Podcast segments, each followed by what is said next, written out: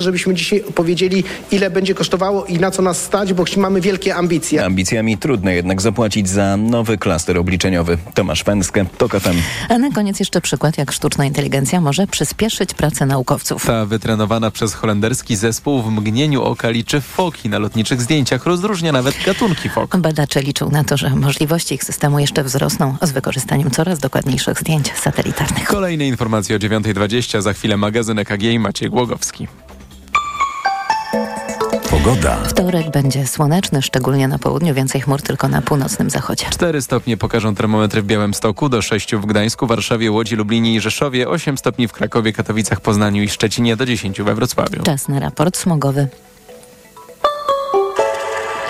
Zła jakość powietrza dziś w Górnośląsko-Zagłębiowskiej metropolii. Miejscami normy stężenia pyłów zawieszonych PM2,5 i PM10 są przekroczone kilkukrotnie. Najgorzej jest w Tychach, Mysłowicach i Sosnowcu, ale nie najlepiej także w wielu innych rejonach Polski. Dwu-, trzykrotne przekroczenie norm w Krakowie. Smog zauważalny także w Łodzi, Bydgoszczy i Gdańsku, a także miejscami w okolicach Warszawy. Radio TOK FM. Pierwsze radio informacyjne. EKG. Ekonomia, kapitał, gospodarka. I jest 9.05, to jest magazyn EKG, Maciej Głogowski, dzień dobry. A dziś naszym gościem jest pan e, Tomasz Świątkowski, kierownik Katedry Prawa Gospodarczego Szkoły Głównej Handlowej w Warszawie. Dzień dobry panie profesorze. Dzień dobry. To, cytuję, to Jarosław Kaczyński w bezpośrednich rozmowach z Obajtkiem podejmował decyzję w sprawie sprzedaży Lotosu. Tak mówi wyborczy i poseł minister Biernacki z Sejmowej Komisji Spec-Służb. Potwierdza, że służby, które powinny kontrolować transakcje, miały związane ręce. Pisze dzisiaj wyborcza szok. Że to Jarosław Kaczyński z tak, Danielem Obajtkiem? Tak, tak. Dla mnie zdecydowanie szok. Dla mnie zdecydowanie szok, ale y, pan poseł Biernacki jest tego typu, tego formatu politykiem, że doskonale wie, co mówi.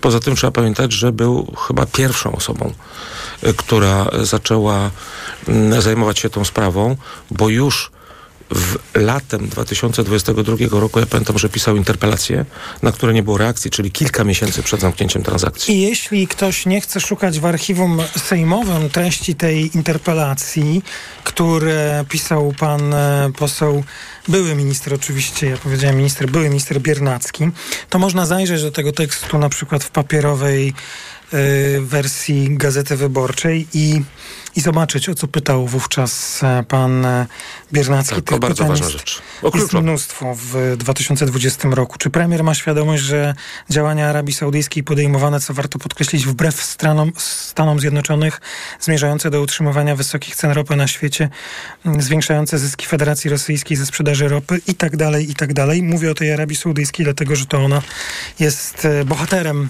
tego, co się stało z Lotosem.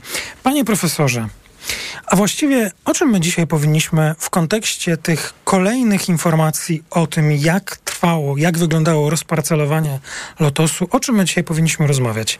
Pan, jak rozumiem, na użytek e, reportażu, który przygotował OTFN24, widział raport albo jakieś fragmenty raportu NIK-u. Tak, widziałem. Mamy kolejne teksty teraz wyborczej. My odbyliśmy tutaj w TOK FM wiele rozmów o tym, jak ta sprzedaż e, lotosu wyglądała i właściwie co teraz. Po co to wszystko? Tylko po to, żeby mieć świadomość, że nie było ok, tak? Ja mam głębokie przekonanie, zresztą powiedziałem to w reportażu yy, czerwono-białym, yy, iż yy, niezbędna jest komisja śledcza. To jest jeden aspekt, żeby to wyświetlić i upublicznić. Upublicznić yy, transakcję, która w swoich skutkach stanowi Moim zdaniem, ja to powiedziałem publicznie, ale również publicznie powiedział to bardzo niedawno yy, i bardzo słusznie pan premier Janusz Steinhoff w ubiegłym tygodniu. To jest największa skandal to jest zawsze takie dla prawnika określenie pretensjonalne, ale to jest największa afera od 89 roku, bo ona ma trzy odsłony. Ona ma odsłonę finansową, to już wiemy, 7 miliardów. Jeżeli to jest 7 miliardów, to trzeba wszystko jeszcze przeliczyć raz. Trzeba zobaczyć te wyceny, których nikt nie Chodzi pokazał. o zaniżenie? O zaniżenie wyceny, wyceny tak. Lotos, za Lotos, tak? Za Lotos, tak. 7 miliardów złotych to jest, uwaga, 100 razy więcej, aniżeli pieniądze spożytkowane, czy wydane, czy stracone w związku z wyborami kopertowymi. To jest 100 razy tyle. A, a może więcej.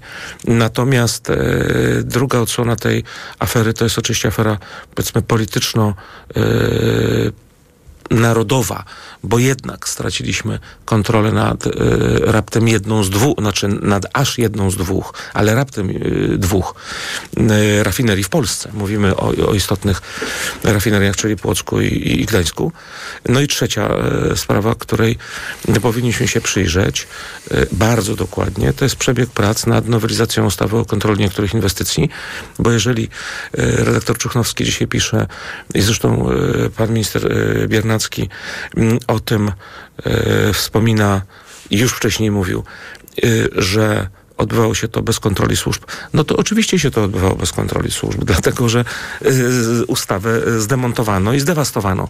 Ustawa powstała tylko i wyłącznie w jednym celu o kontroli niektórych inwestycji. Aby tego typu y, transakcja, która zawsze była, czy jest, czy tego typu transakcje, daj Boże nie tego typu, ale jakiekolwiek transakcje na polskich istotnych aktywach będą przeprowadzane, zawsze będzie jakiś podmiot odpowiedzialny, czyli będzie któryś z ministrów e, tym, e, tym procesem, e, ten proces koordynował. Ale poza koordynacją taki minister czy taki organ w Polsce e, zgodnie z ustawą miał obowiązek wystąpić do komitetu e, konsultacyjnego składającego się z, dwu, z przedstawicieli 22 instytucji. To jest bardzo reprezentatywny skład. Właściwie wszystkie istotne instytucje w Polsce, w tym cztery służby specjalne, parę organów centralnych, plus kilkunastu ministrów czy ich przedstawicieli. I, I wreszcie tam nie tylko reprezentatywny skład o tym decyduje, że to, to był istotny instrument, bo to była źrenica oka tej ustawy, właśnie ten komitet konsultacyjny. Ty, ale również pełna wiedza tego gremium i wreszcie bardzo pogłębiona analiza, która była konieczna, żeby ewentualnie taką transakcję zatrzymać. Ponieważ ustawa stanowiła na tamten moment, zresztą ona stanowi do dzisiaj, ale, ale została e, zdewastowana i została, że tak powiem, rozbrojona. E, mm, ustawa stanowiła, iż w przypadku, gdy komitet konsultacyjny miałby temuż ministrowi koordynującemu proces zaprezentować rekomendację negatywną, czyli przeciwko transakcji, to musiałby za, przedstawić uzasadnienie faktyczne i prawne, czyli to jest bardzo duża żeby praca ominąć analityczna. tę rekomendację? E, nie, żeby ta rekomendacja była wiążąca, w tym rozumieniu wiążąca, żeby ona była zgodna z przepisami prawa, to znaczy, żeby ona była pełna. To nie można było tylko odpowiedzieć, nie Panie jesteśmy przeciwko. Trzeba było stworzyć uzasadnienie faktyczne i prawne, czyli pokazać sytuację geopolityczną, pokazać e, przepisy prawne, które No, ale- e, pokazują ale- cały system, wzmocnić. Ja jednej rzeczy nie mogę zrozumieć i tak mm, czuję pewien dyskomfort, bo my dzisiaj powracamy do historii. Ja sobie zdaję sprawę z e, tego, że no, za chwilę, jak rozumiem, poznamy raport NIK-u i to, co pan widział i znalazło się w reportażu, stanie się informacją publiczną o tej zaniżonej wycenie. Ja czytam te y, teksty, które publikuje Czuchnowski, Wojtek Czuchnowski dzisiaj o, o, o tym, że, y, aby, że służby y, miały związane ręce i, i mimo ich negatywnej opinii transakcja doszła do skutku. Ja, ja czytam to, co dzisiaj zostało w wyborczej opublikowane, e, powołując się na pana Biernackiego, że to być może na szczytach partyjnej władzy Prawa i Sprawiedliwości decyzja została podej- podjęta. Ale ja też pamiętam wiele audycji w TOK FM, pan gościu w e, porankach. My tu w magazynie EKG rozmawialiśmy e, z ekspertami, byłymi prezesami tych spółek, byłymi wysokimi urzędnikami. Wszyscy apelowali i mówili, nie róbmy tego, nie róbcie tego. E, wszyscy ministrowie przemysłu i gospodarki Tak, pisali tak, listy, tak, nie tak, róbcie tak, tego. pod wpływem ministra Steinhoffa. Tak, tak, to I- była, był apel Ale- wszystkich ale, poza, ale poza stało. I, ministrami spisu. I ja sobie teraz myślę, siedzimy w audycji ekonomicznej. Y, może niech pan powie, czy właściwie oprócz tej całej politycznej sfery, która jest tutaj do wyjaśnienia, y, komisji śledczej, która powinna powstać, aby większość sejmowa chciała taką komisję powołać. Czy coś się jeszcze da biznesowo i gospodarczo z tym zrobić? Roman Giertych ostatnio powiedział, że chciałby rozmawiać na temat unieważ- nie, unieważnienia tej transakcji, ale Saudi Aramco jest w rafinerii. Kierowcy jeżdżący po Polsce już mijają stację Mola, które y, wymieniono na stację Lotosu. Kilka Po, na wjeździe do Warszawy. po, po sprawie jest, po zawodach. Ja powiem tak, e, żeby nie uprawiać czarnowictwa, jednak zastrzeżenie na początku. Ja nie chcę powiedzieć, że jest po zawodach, ale możliwe, że jest po zawodach. My tego na ten moment nie wiemy, dlatego że żaden proces, żadna procedura się nie rozpoczęła. Dla e, zajęcia się tą sprawą i oczyszczenia e, e, oczyszczenia pola, wyrwania chwastów i doprowadzenia do sytuacji, że już nikt nigdy się nie poważy na taką transakcję. To już nie ma lotosu, to się nikt nie poważy. Wydaje mi się, że jeszcze na parę rzeczy y, jestem objęty tajemnicą adwokacką akurat w tym momencie, więc nie będę mówił, tu mogę rozmawiać, bo jestem ekspertem, czy też specjalistą, czy też y, rozmawiamy, ale tylko, tylko, tylko y, komentuję te zdarzenia. Żadnej tajemnicy nie ujawniam, bo nie byłem w żaden z tych, w żadnym, na żadnym etapie w ten proces zaangażowany.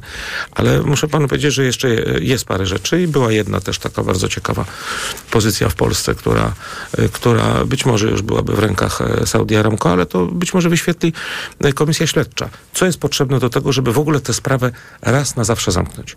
W moim przekonaniu, nie jestem politykiem, znowu zastrzeżenie, ale jest potrzebna komisja śledcza, która ma bardzo dalece idące uprawnienia i funkcjonuje w oparciu oczywiście o swoją specjalną ustawę. No i przede wszystkim ma tę zaletę, że my jako opinia publiczna możemy I to, to oglądać. jest bardzo ważne, bo można to upublicznić. Te poszczególne czynności nie są objęte tajemnicą śledztwa, tak jak będą w prokuraturze. Oczywiście musi się tym zająć prokuratura bezdyskusyjnie. E, natomiast trzeci wątek to jest wątek e, próby wyjścia z tej sytuacji na różne sposoby. I teraz y, pan poseł Giertych oczywiście powiedział, mm, że, że ona jest nieważna. Ja swego czasu z trochę innym uzasadnieniem też powiedziałem, że ona jest nieważna. Ta znaczy, umowa. Ta transakcja, tak, ta umowa jest nieważna.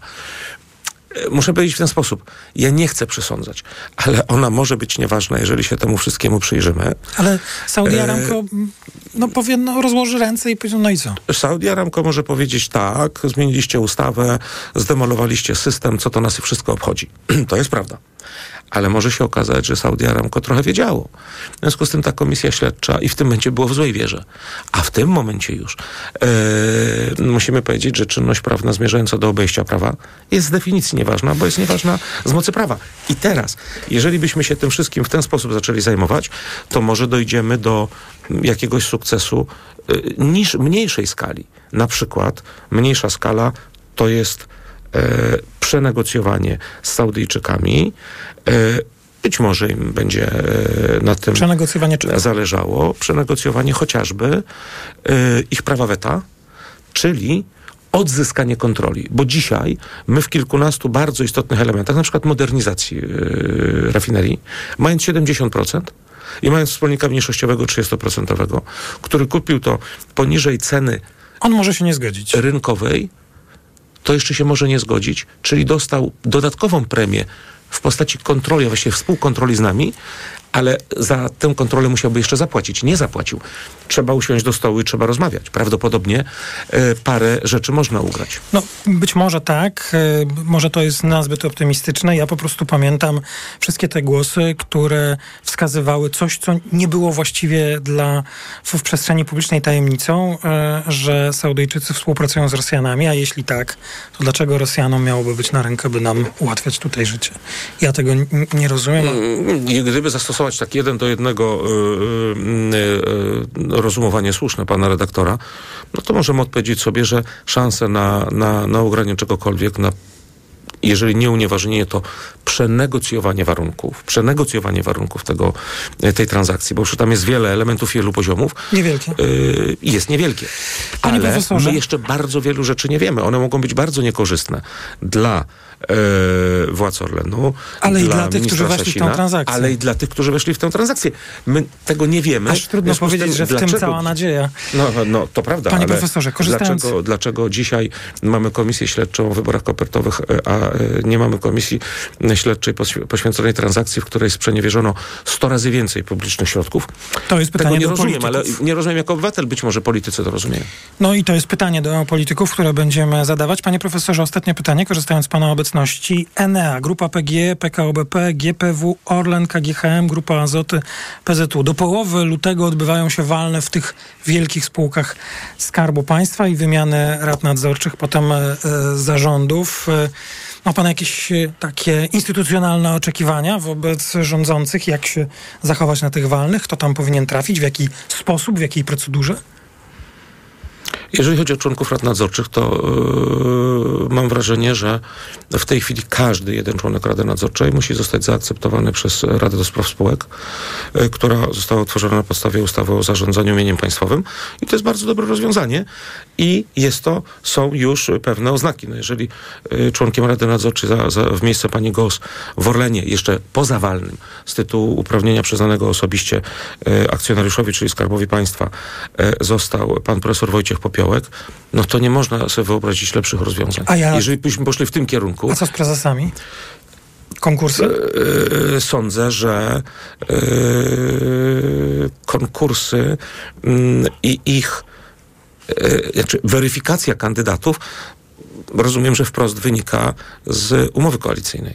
Tak to postrzegam. W umowie koalicyjnej jest napisane, że nie będzie, nie będzie e, nominacji e, w, e, dotyczących, czy też nominacji osób, które są bezpośrednio zaangażowane w działania polityczne e, uczestników koalicji 15 października, jak i e, no wyobrażam sobie, że te kompetencje trzeba będzie zbadać. No nie cofnę się przed tym, co powiedziałem. Wzięto z kapelusza Obajtka i nie wyobrażam sobie, żeby dzisiaj kogokolwiek wzięto z kapelusza. Ale nie muszą to być konkursy.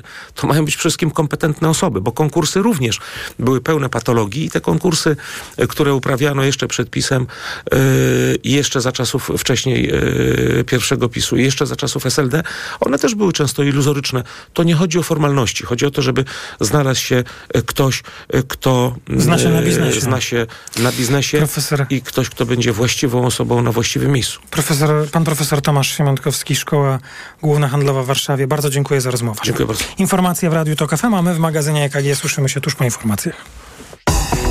EKG. Ekonomia, kapitał, gospodarka. Autopromocja. Kim są Polacy tworzący sztuczną inteligencję na świecie i czy jest szansa, by tworzyli ją również w Polsce? Nasze gwiazdy informatyki rozwijają sztuczną inteligencję w OpenAI i w Google. Tworzą startup Eleven Labs, ale czempiona sztucznej inteligencji na miarę firm francuskich czy niemieckich w Polsce wciąż nie mamy. czemu wyjeżdżają, no i czy mogą wrócić do kraju. I co dziś może zrobić Polska, żeby stworzyć im warunki do rozwoju. Tech Historie. Zapraszają Sylwia Czubkowska i Joanna Sosnowska. Słuchaj na tokefm.pl lub w aplikacji mobilnej Tok FM. Autopromocja. Reklama. Stosujesz kapsułki wspierające zdrowie wątroby?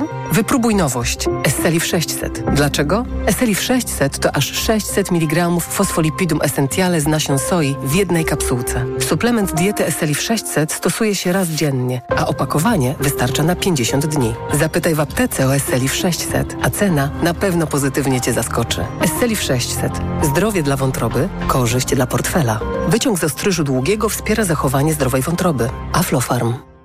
Reklama. Radio Tok FM. Pierwsze radio informacyjne.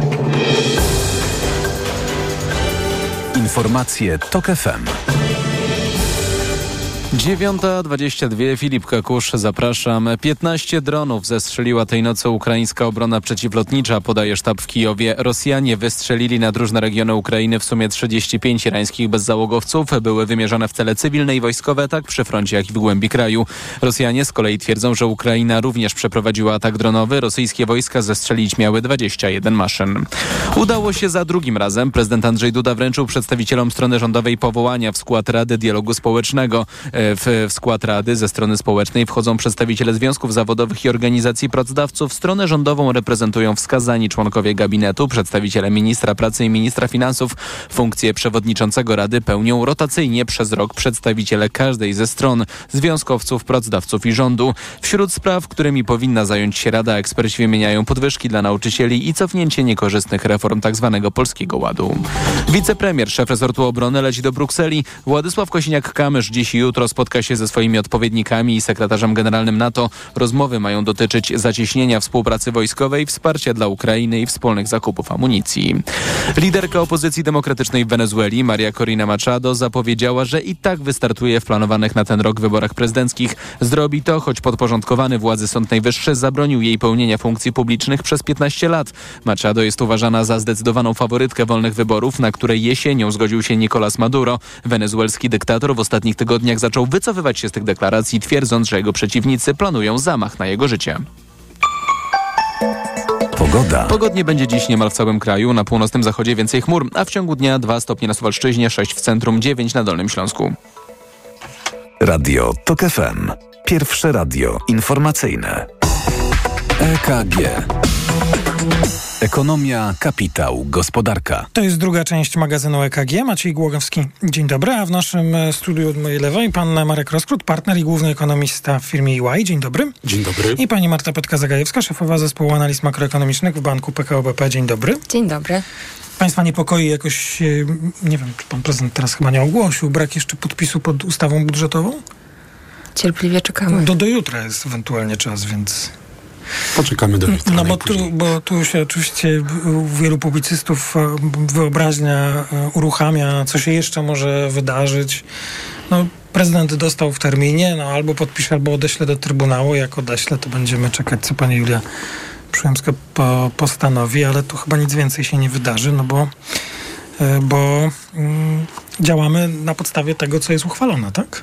Tak, państwo jest. działa, świat się nie zawali, nie będzie shutdownu takiego, jakiego się regularnie boimy w Stanach. Jesteśmy tu bardziej bezpieczni niż Stany Zjednoczone, w tym przynajmniej ujęciu. Chociaż e, dzisiaj się na przykład pojawił apel OPZZ-u, Związków Zawodowych, by, by pan prezydent jak najszybciej podpisał ustawę, tak by, e, tak by na przykład można było wydawać te pieniądze, które są tam zapisane dla poszczególnych grup. No dobrze. Tak, my przewidujemy bardzo wysoki, między innymi wzrost wynagrodzeń w gospodarce, między innymi w wyniku właśnie silnego wzrostu płac w sferze budżetowej. No ale to pytanie o ten podpis pana prezydenta. Pan, ja, dlatego powiedziałem, że nie wiem, co pan prezydent ogłosił, bo prezydent ma dzisiaj dwa takie publiczne wystąpienia. E, teraz było powołanie członków RDS e, i, i zabierał głos, ale chyba o budżecie nie powiedział, a później ma spotkanie z Solidarnością i też jest e, publiczne e, wystąpienie, więc być może tam ogłosi swoją decyzję, bo no, tu termin, tak? No, w zeszłym tygodniu budżet złożony, no to właściwie 7 dni to chyba jutro mija. Ale dlaczego ja o tym mówię? Bo Coraz więcej osób, ekspertów, także i polityków mówi o potrzebie nowelizacji tego budżetu. Pan na przykład pan Ryszard Petru, no, szef poważnej komisji, bo Komisji Gospodarki w, w Sejmie mówi o, o tej nowelizacji. Państwo przewidują, że zmiana ustawy budżetowej na ten rok w trakcie roku będzie konieczna? Myślę, że jest bardzo prawdopodobna. Ale dlaczego To wynika to z tego, że y, ten budżet w większości jest budżetem przygotowanym przez rząd, y, Poprzedni. któremu nie udało się zbudować większości. No i wydaje mi się, że to trochę byłaby strata czasu, gdyby nowy rząd czekał nieco y, blisko rok na e, wdrażanie swojego programu e, gospodarczego i swoich rozwiązań. Ten budżet nie odpowiedział także na wiele istotnych z punktu widzenia konsumentów pytań, na które będziemy musieli odpowiedzieć w trakcie tego roku. Tutaj mam na myśli innymi rozwiązania e, tak zwanej tarczy antyinflacyjnej, czyli kwestia VAT-u na żywność, kwestia mrożenia cen energii. Nie wydaje mi się, żeby e, ten rząd zdecydował się na to, żeby metodą ostrego cięcia te wszystkie działania zakończyć, co samo z siebie będzie wymuszało e, nowelizację budżetu i znalezienie środków, czy też finansowania na przedłużanie, chociażby w ograniczonej formie, tych rozwiązań. Musimy pamiętać dwie rzeczy. Po pierwsze, budżet państwa to jest tylko część całego sektora finansów publicznych, to jest jedna rzecz, ale w ramach tego budżetu państwa, który tu podlega kontroli parlamentarnej, y, mamy dwa limity, takie zasadnicze. Mówimy też o limicie wydatków i limicie nieprzekraczalnego również deficytu. Nie wiemy, a jeżeli chodzi o ten drugi, o ten deficyt, mamy wiele niewiadomych, między innymi jak będą wyglądały dalsze regulacje dot, dotyczące tak zwanych tarcz, dotyczących zarówno VAT-u na żywność, jak i mówimy tu o, o regulacji cen energii. W związku z czym, jak też te decyzje poznamy, one się pewnie będą krystalizować bliżej połowy roku. Mm, Wówczas będziemy też wiedzieć, jak wygląda kwestia dochodowa, plus oczywiście jakieś czynniki zewnętrzne, jak wygląda koniunktura w gospodarce i pewnie wówczas będzie łatwiej także zdefiniować czy określić, jak ten nowy budżet, czy ta nowelizacja miałaby wyglądać. Jakby teraz już podejmowanie tej decyzji no jest w tym momencie przedwczesne, żeby nie wylądować w kolejnej nowelizacji.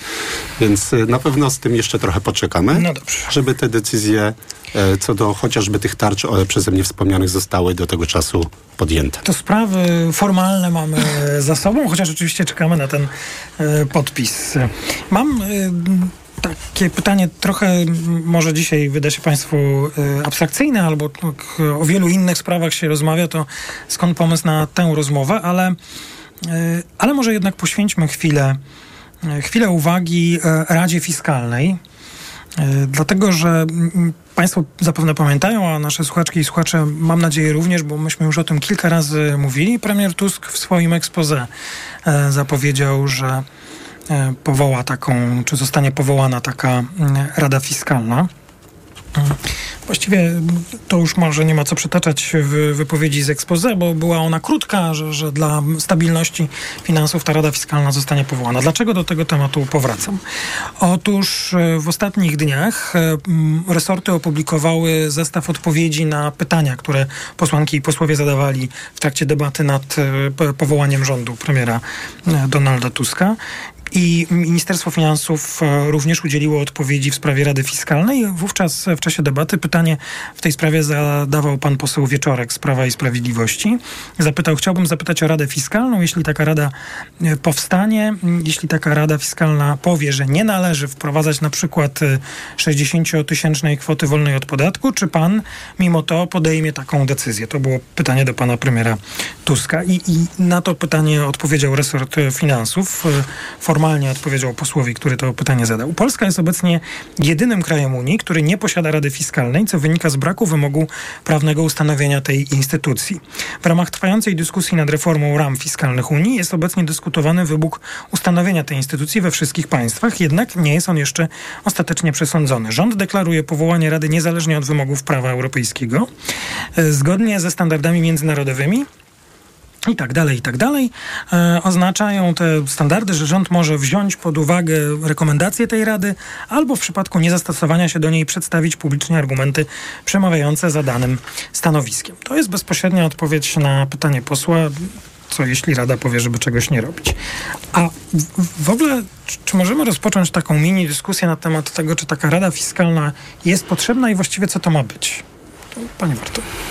Rozumiem, że to jakaś grupa ludzi, która ma pilnować, co się dzieje w finansach, tak niezależnie od rządu. Tak, tak i to jest jakby bardzo ważne, że to jest grupa zupełnie niezależna od jakiegokolwiek innego ciała z politycznego. Z, z, oczywiście z, z, definicji, w praktyce też dobrze by było, żeby tak było. E, e, e, ciało, które ma mieć e, charakter z jednej strony kontrolny, to znaczy pokazujący, e, odpowiadający na popularne w ostatnich latach pytanie, jak naprawdę wygląda kondycja sektora finansów publicznych. Myślałem, że na pytanie czyli, jak czyli jak będą się pojawiały wątpliwości, to ile wynosi ten deficyt sektora finansów, e, to to będzie takie ciało, które będzie miało dostęp do wszystkich danych, będzie publikować do wszystkich otwarte informacje, raporty o tym, jak wygląda stan finansów publicznych i w jaką stronę z tymi finansami publicznymi zmierzamy. Natomiast to, co jest ważne też w kontekście tego pytania, w zasadzie w żadnym z tych państw Unii Europejskiej, w których te rady fiskalne istnieją i myślę, że to też jest przykład pokazujący, że jest to e, twór potrzebny, zasadny e, i przydatny e, dla zachowania takiej średnioterminowej równowagi w gospodarce. Te rady nie mają takiej mocy, by zablokować jakiekolwiek działania rządu. Jednak na końcu jesteśmy w, jakby funkcjonujemy w systemie państwa, w którym wyborcy wybierają polityków, politycy mający większość tworzą rząd i to oni ponoszą odpowiedzialność za prowadzenie między innymi polityki fiskalnej.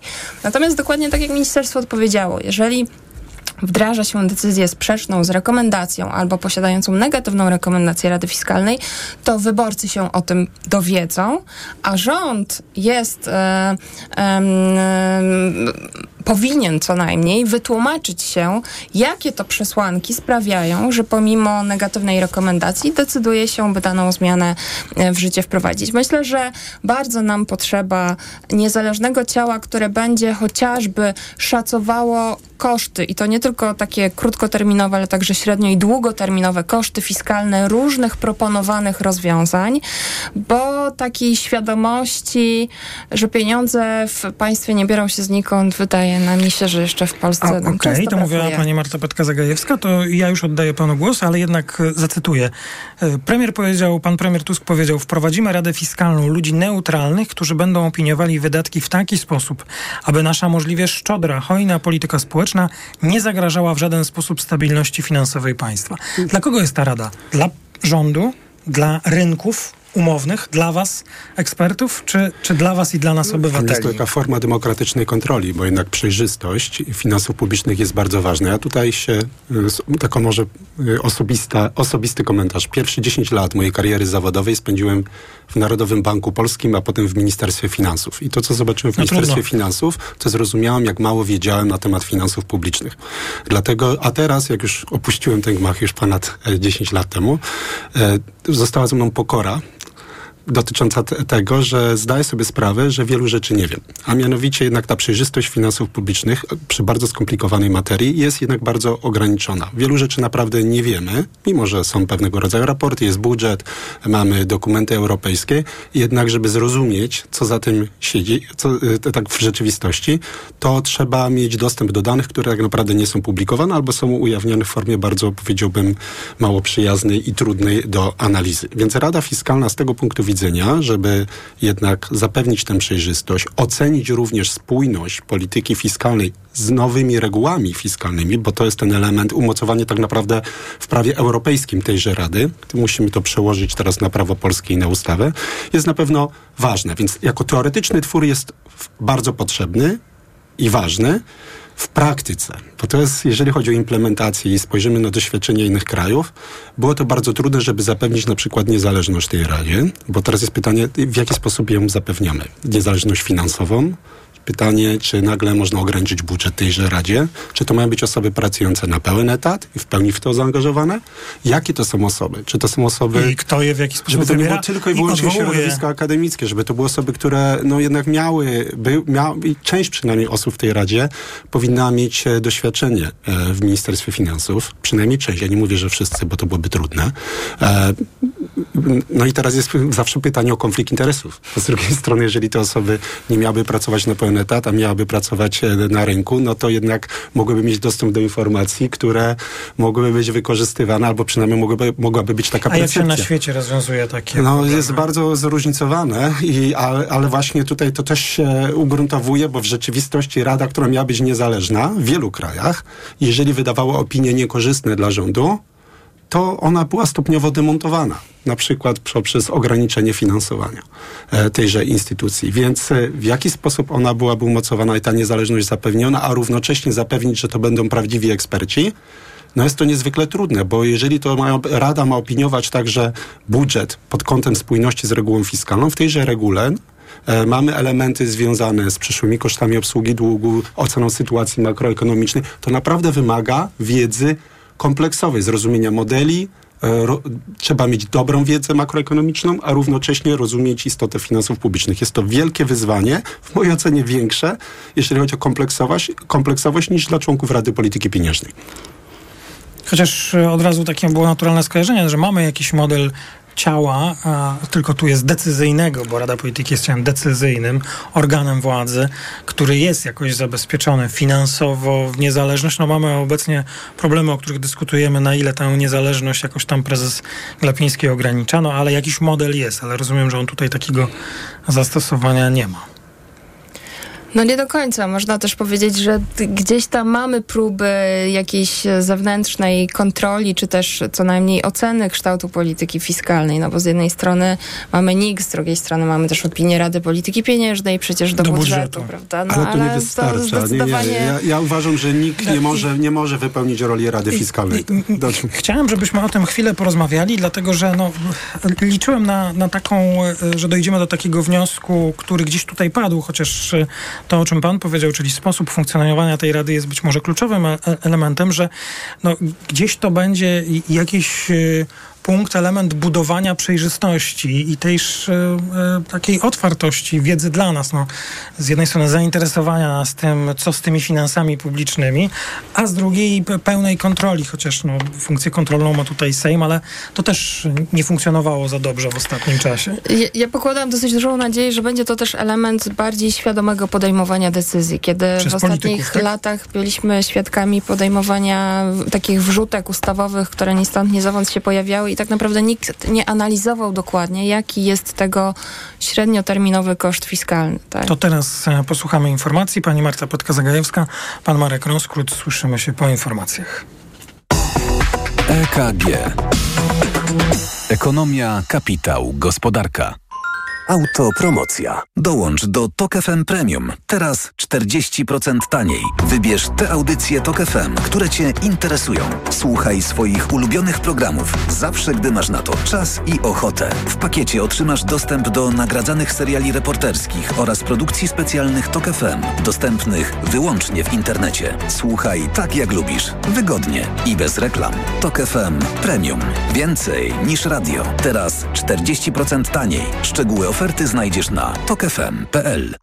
Autopromocja. Reklama. RTV Euro AGD. Tylko do jutra. Karnawał rabatów w euro. Wybrane produkty w super cenach. Odkurzacz pionowy Philips 3000 Aqua z funkcją mycia. Najniższa teraz ostatnich 30 dni przed obniżką to 1099. Teraz za 999 zł. A dodatkowo aż do 50 rat 0%. I do maja nie płacisz na cały asortyment. RRSO 0%.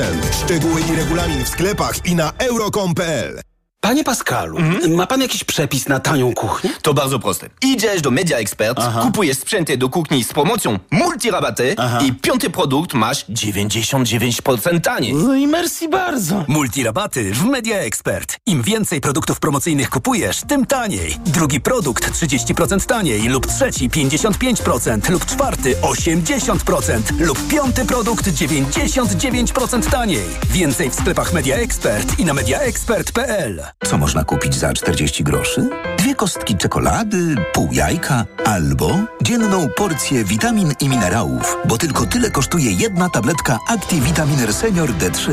Suplementy diety ActiVitaminer Senior D3 to witaminy i minerały wzbogacone aż o 2000 jednostek witaminy D3, tak potrzebnej jesienią i zimą. ActiVitaminer Senior D3 znajdziesz w swojej aptece w bardzo dobrej cenie. Witamina D pomaga w prawidłowym funkcjonowaniu układu odpornościowego. Aflofarm. Więcej na vitaminer.pl Dacia Sandero ma wszystko, czego potrzebujesz w swoim aucie. Dzięki temu nie musisz godzić się na żadne kompromisy. Dacia Sandero. Samochód cię nie definiuje, to ty definiujesz samochód. Dla prawdziwych ludzi. Wybierz Dacia Sandero lub Sandero Stepway w wersji Eco G z fabryczną instalacją LPG w cenie wersji benzynowej. Zyskaj dodatkowo do 2400 zł. Umów się na jazdę testową. Szczegóły w salonach i na dacia.pl. Finał wielkiej wyprzedaży w Media Expert. Smartfony, smartwatche, telewizory, laptopy, ekspresy do kawy, odkurzacze, pralki i zmywarki, lodówki i suszarki w super niskich cenach. Odkąd Ania poszła do szkoły, w naszym domu na stałe zagościł Lipomal Multi 6 Plus. Wiem, że zawsze mogę na nim polegać, dlatego bez obaw podaję go Ani. Lipomal Multi 6 Plus zawiera aż 5 wyciągów pochodzenia naturalnego, w tym wyciąg z kwiatostanu lipy, który wspomaga odporność oraz utrzymanie zdrowia układu oddechowego, czyli nosa, zatok, gardła i oskrzeli. Moim zdaniem Lipomal Multi 6 Plus jest naprawdę skuteczny. Suplement diety Lipomal Multi 6 Plus. Naturalne wsparcie. Aflofarm. Aniu, to był miły wieczór. Buziak na pożegnanie? Jasne. Uuu, Coś nie tak? chyba jednak nie czuję mięty. Ten wieczór dla Marka zakończył się jak zawsze. A wystarczyło, żeby zastosował suplement diety halitomin. Jego oddech pozostałby świeży, a Anna by nie uciekła. Halitomin zawiera wyciąg z ziela tymianku na długo odświeżający oddech. To niewątpliwie szansa dla Marka na udane spotkania. Halitomin. Bloker nieświeżego oddechu. Aflofarm. Reklama. Radio TOK FM. Pierwsze radio informacyjne. Informacje TOK FM. 9.42 Filip Kakusz, zapraszam. Hamas odrzucił propozycję zwolnienia izraelskich zakładników w zamian za zawieszenie broni w strefie gazy. Organizacja tłumaczy, że nie zgadza się na warunki Izraela, bo nie przewidują one stałego rozejmu. Domaga się wstrzymania ofensywy i wycofania wojsk z półenklawy przed jakąkolwiek wymianą więźniów. W niewoli przebywa jeszcze około 130 osób uprowadzonych 7 października. Mimo wielu tygodni operacji lądowej Izrael wciąż nie wie, gdzie mogą się znajdować. Powoli idzie wykrywanie i niszczenie tuneli zbudowanych przez terrorystów pod całą strefą gazy. Prezydent powołał członków Rady Dialogu Społecznego z ramienia rządu. To oznacza, że forum współpracy pracodawców, związkowców i władz będzie mogło wznowić działania. Liczy na to Łukasz Bernatowicz z Business Center Club, który jeszcze do niedawna był przewodniczącym Rady. Bernatowicz dodaje, że pod rządami Prawa i Sprawiedliwości Rada była marginalizowana, dlatego czas nadrobić zaległości. Bo chciałbym też zaznaczyć, że najważniejsze nie tylko dla nas pracodawców, ale dla związkowców również jest sam fakt konsultowania z nami aktów prawnych, projektów ustaw, które potem są procedowane na ścieżce legislacyjnej. Poprzednio Rada zebrała się w listopadzie zeszłego roku. Słuchasz informacji TOK FM. Dziś Komitet Polityczny Prawa i Sprawiedliwości ma rozpocząć zatwierdzanie list kandydatów na wybory samorządowe. Właśnie w Dzienniku Ustaw ukazała się decyzja, zgodnie z którą odbędą się one 7 kwietnia, a druga tura, tam gdzie to konieczne, 21 kwietnia. Wiadomo, że PSL i Polska 2050 ponownie wystartują wspólnie jako trzecia droga. Do soboty mamy też wiedzieć, czy razem do wyborów pójdą Koalicja Obywatelska i Lewica.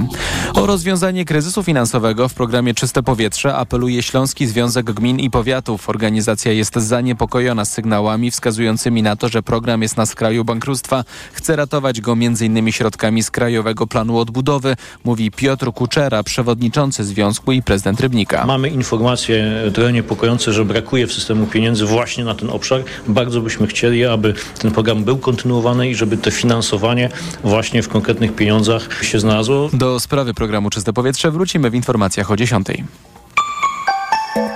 Pogoda. Przed nami kolejny dzień z rozpogodzeniami. Na południu i w górach może silniej powiać. 4 stopnie w Białymstoku, 6 w Warszawie i Bydgoszczy, do 9 we Wrocławiu. Radio TOK FM. Pierwsze radio informacyjne. EKG. Ekonomia, kapitał, gospodarka. Ostatnia część magazynu EKG, wtorkowego magazynu EKG. Pani Marta Petka-Zagajewska i pan Marek Roskut. Jest 9.45. Za chwilę Państwa zdziwienia, ale jeszcze krótka informacja. Zasiłek pogrzebowy będzie wyższy z 4 do 7. Nie wiem, czy pamiętają Państwo, jak kilka lat temu był obniżany z prawie 7 do, do, do, do 4. Teraz wzrośnie. No była to jedna z obietnic przedwyborczych i teraz ma być, ma wzrosnąć i ma być corocznie waloryzowany.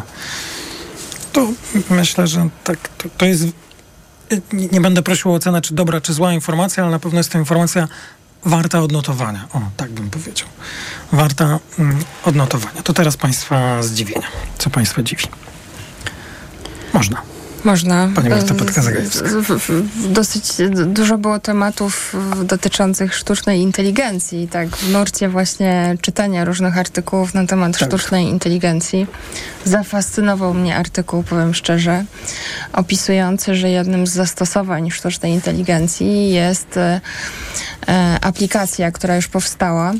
Aplikacja, która mm, tłumaczy płacz dziecka na język ludzki, to znaczy pokazywać rodzicom, dlaczego dziecko płacze i co mu dolega i co trzeba zrobić, żeby przestało płakać.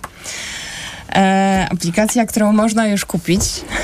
Powiem szczerze, że mhm. kilka lat temu e, każde pieniądze położyłabym na taką aplikację, więc y, był to mój zachwyt, który rozesłałam szeroko do wszystkich znajomych posiadających malutkie dzieci, ale powiem szczerze, że przyszło sprawdzam, bo wyszukałam sobie tą aplikację w jednym ze sklepów e, internetowych, no i opinie są żenujące, więc jeszcze sztuczna inteligencja musi się dużo nauczyć. Zakładam, że nie, nie biorą odpowiedzialności za błędną interpretację tak. płaczu dziecka. No, ciekawe zdziwienie, ciekawe. Mówiła pani Marta Pytka-Zagajewska. Pan Marek Roskład, pana coś dziwi? Znaczy, może tylko krótko w duchu, jeżeli chodzi o sztuczną inteligencję, tak a propos, bo może mamy inną informację.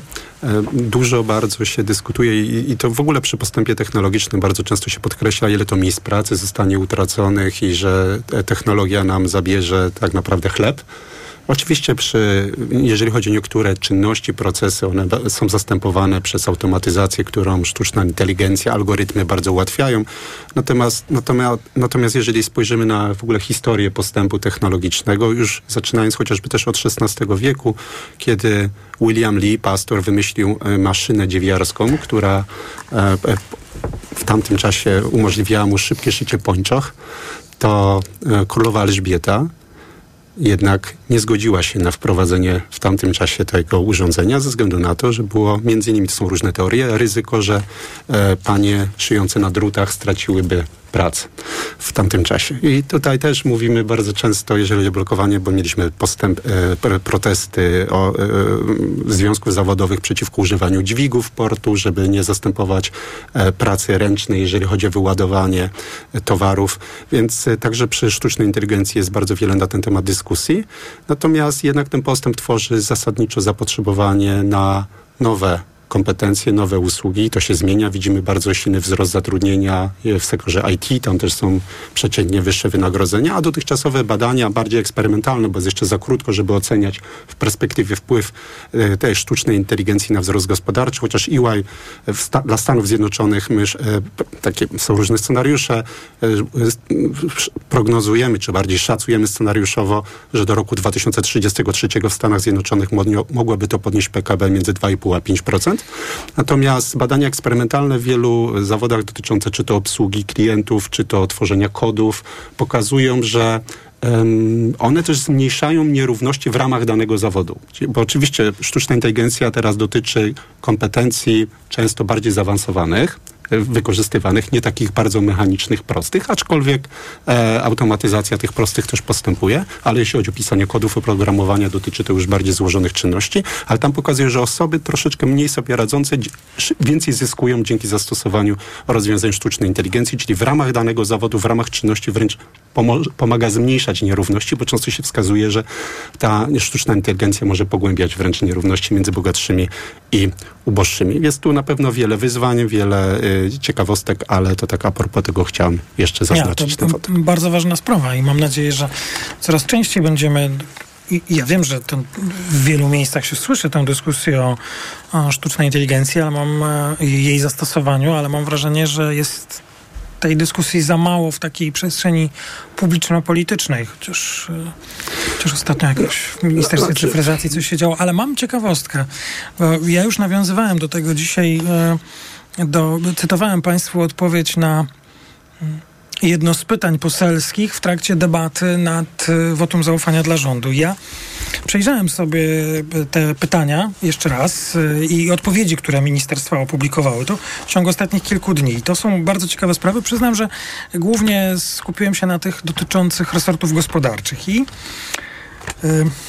no i na przykład do Ministerstwa Finansów, no mam nadzieję, że rząd dobrze to tam policzył, było 14 pytań i jest tam prawie 14 odpowiedzi, bo niektóre się powtarzały. Na przykład do Ministerstwa Skarbu było 5 pytań, do środowiska 21, do funduszy regionalnych 7, do technologii 4, do edukacji, to też ważne naszej audycji 4. Najwięcej było do infrastruktury. Pytań albo, albo odpowiedzi najwięcej zajmują yy, nie, nie mam policzone ile do, ile do infrastruktury. No i wchodzę na stronę Ministerstwa Cyfryzacji, bo tu, tu na pewno będzie mnóstwo pytań. Ja już nie pamiętam tej debaty, słuchałem jej, ale no nie wszystko. Jedno. Jedno pytanie bardzo ważne, bo o niebieską linię. Jedno. Także mam wrażenie, że nasi parlamentarzyści i parlamentarzystki no tak nie, nie do końca się tutaj to, ty, tym przejęli jeszcze albo jeszcze przejmują. No pewnie teraz zbytnio uogólniam, bo oczywiście niektórzy są na pewno zainteresowani i mają głęboką profesjonalną wiedzę, ale mm, ja nie chciałbym ze sztucznej inteligencji robić tematu politycznego, ale to jest to jest temat, który będzie wymagał interwencji polityków tworzących prawo. Będzie, oczywiście, no. ale też myślę, że na poziomie jednak e, międzynarodowym przede wszystkim, tak? Bo to, to jest świat, który nie uznaje granic. E, I to bardziej myślę, że tutaj rozstrzygnięcia na poziomie unijnym, czy też wręcz transunijnym będą musiały wyznaczyć, jakie są granice i normy. Mówimy zarówno o postępie technologicznym, ale mówimy o wzroście wydajności i zastępowaniu, czy też czasami pracy, bo pamiętajmy, że sytuacja demograficzna w Europie jest szczególnie trudna i wiele przedsiębiorstw już dzisiaj szuka rozwiązań głównie w tych procesach, które pozwalają, no, które są pracochłonne i gdzie jest ograniczony dostęp y, pracy, głównie wykwalifikowanej. A równocześnie mam kwestię bezpieczeństwa i kwestię etyczne z tym związane. Więc e, to jest na pewno zagadnienie, którym będziemy żyć, ale w odróżnieniu uważam, mówimy o elektryfikacji czy wcześniej o maszynach parowych, e, przełożenie sztucznej inteligencji na wzrost e, produktywności i tym samym wzrost gospodarczy na pewno będzie szybsze, aniżeli miało to miejsce w przypadku wcześniejszych powiedziałbym, rewolucyjnych tak, rozwiązań. Y, Euro 4 zł 37 groszy, dolar 4,03, funt 4,60, y, frank 4,67 i funt 5 zł i 12 groszy. Frank 4,67, funt 5,12. Tak, ten złoty trochę słabszy, tak? Dobrze, to nie, nie obserwowałem przez kilka dni, a uważam, że codziennie na złotego trzeba tam sobie zaglądać.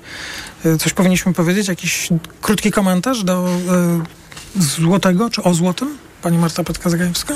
Krótki komentarz o złotym. Myślę, że te ostatnie dni to bardziej jednak to, co się na świecie dzieje, decydują, a nie wydarzenia stricte w e, Polsce. To, na co czekamy, to jutrzejsze posiedzenie Fedu i czy ono potwierdzi, że przed nami już coraz bliżej obniżki stóp procentowych w Stanach Zjednoczonych.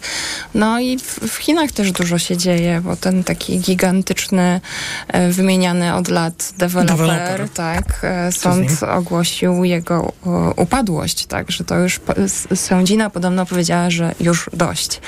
E, Natomiast to też ma jest ciekawe, jest to sąd w Hongkongu, nie wiadomo, czy ten wyrok zostanie w ogóle uznany. I, i ta sprawa tego chińskiego dewelopera ma znaczenie dla światowej gospodarki?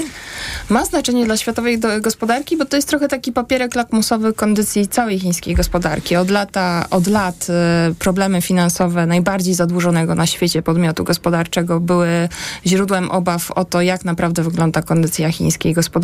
No i teraz e, ten pięknie malowany e, e, twór ma szansę runąć, e, co z jednej strony nie, e, rodzi taką wiarę, że chińskie władze będą interweniować, będą obniżać stopy procentowe i stymulować gospodarkę. No, ale w ostatnich miesiącach te nadzieje były płonne i między innymi słabe wyniki chińskiej gospodarki były jednym z czynników, który e, uniemożliwiał czy też spowalniał odbicie gospodarcze w Europie, chociażby w Niemczech. Tak, a słabszy popyt globalny e, ma większy wpływ na Europę niż chociażby na Stany Zjednoczone, bo gospodarki europejskie są jednak o wiele bardziej otwarte i wie, o wiele większym stopniu zależne od eksportu niż na przykład ma to miejsce w przypadku gospodarki amerykańskiej, gdzie rynek wewnętrzny jest na tyle duży, że jest ona wie, o wiele mniej podatna na zawirowania w świecie zewnętrznym niż to ma miejsce dla krajów europejskich, w tym Polski.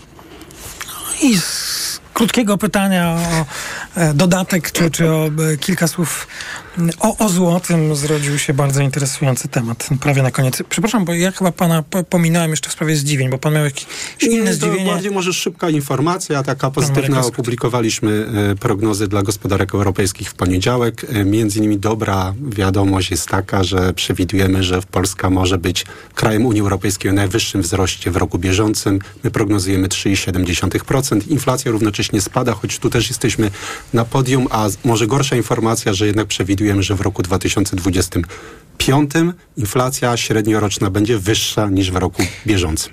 EY mówi 3,7 wzrostu PKB w tym roku dla Polski, 24, tak. a PKO BP? 3,9, ale, Ale myślę, że to nie jest licytacja. Nie no, Ale dlaczego? Ale dobra. A jak kto wie, może i się- czwórka być z przodu. jak w Może tę stronę się licytujecie, Zobaczymy to- jutro dane o, też o PKB. Tak, Za czwarty kwartał może zaskoczyć. Jutro jest y, wynik tak za miniony rok. Y, Za cały, tak, 23.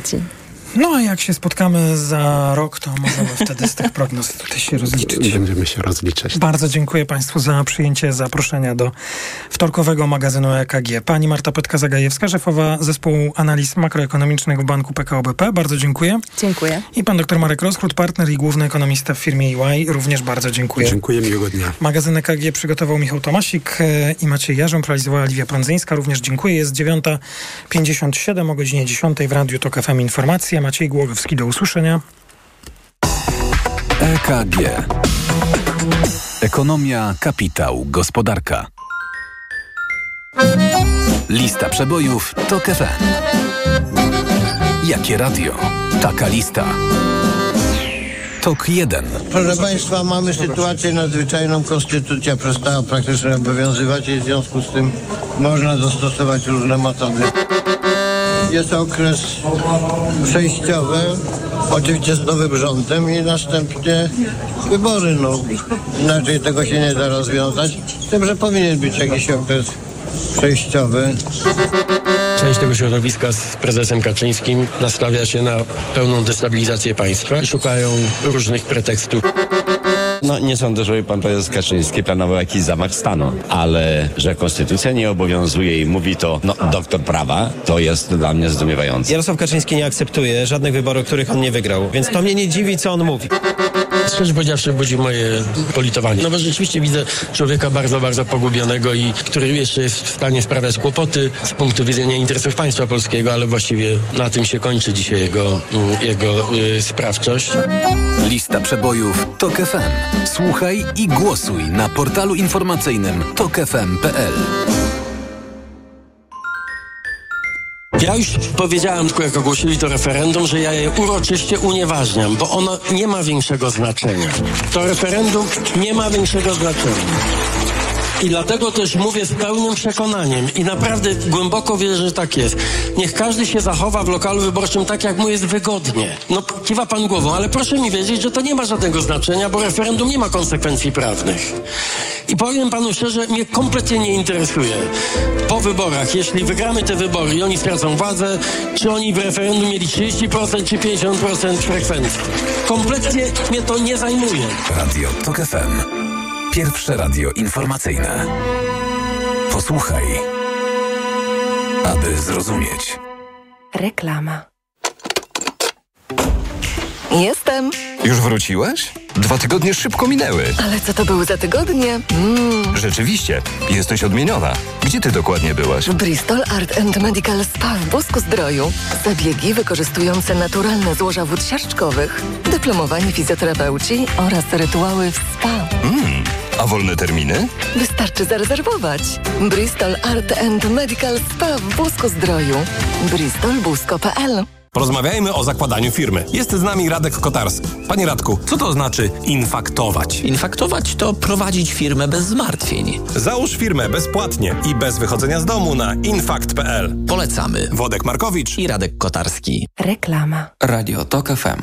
Pierwsze radio informacyjne. Wtorek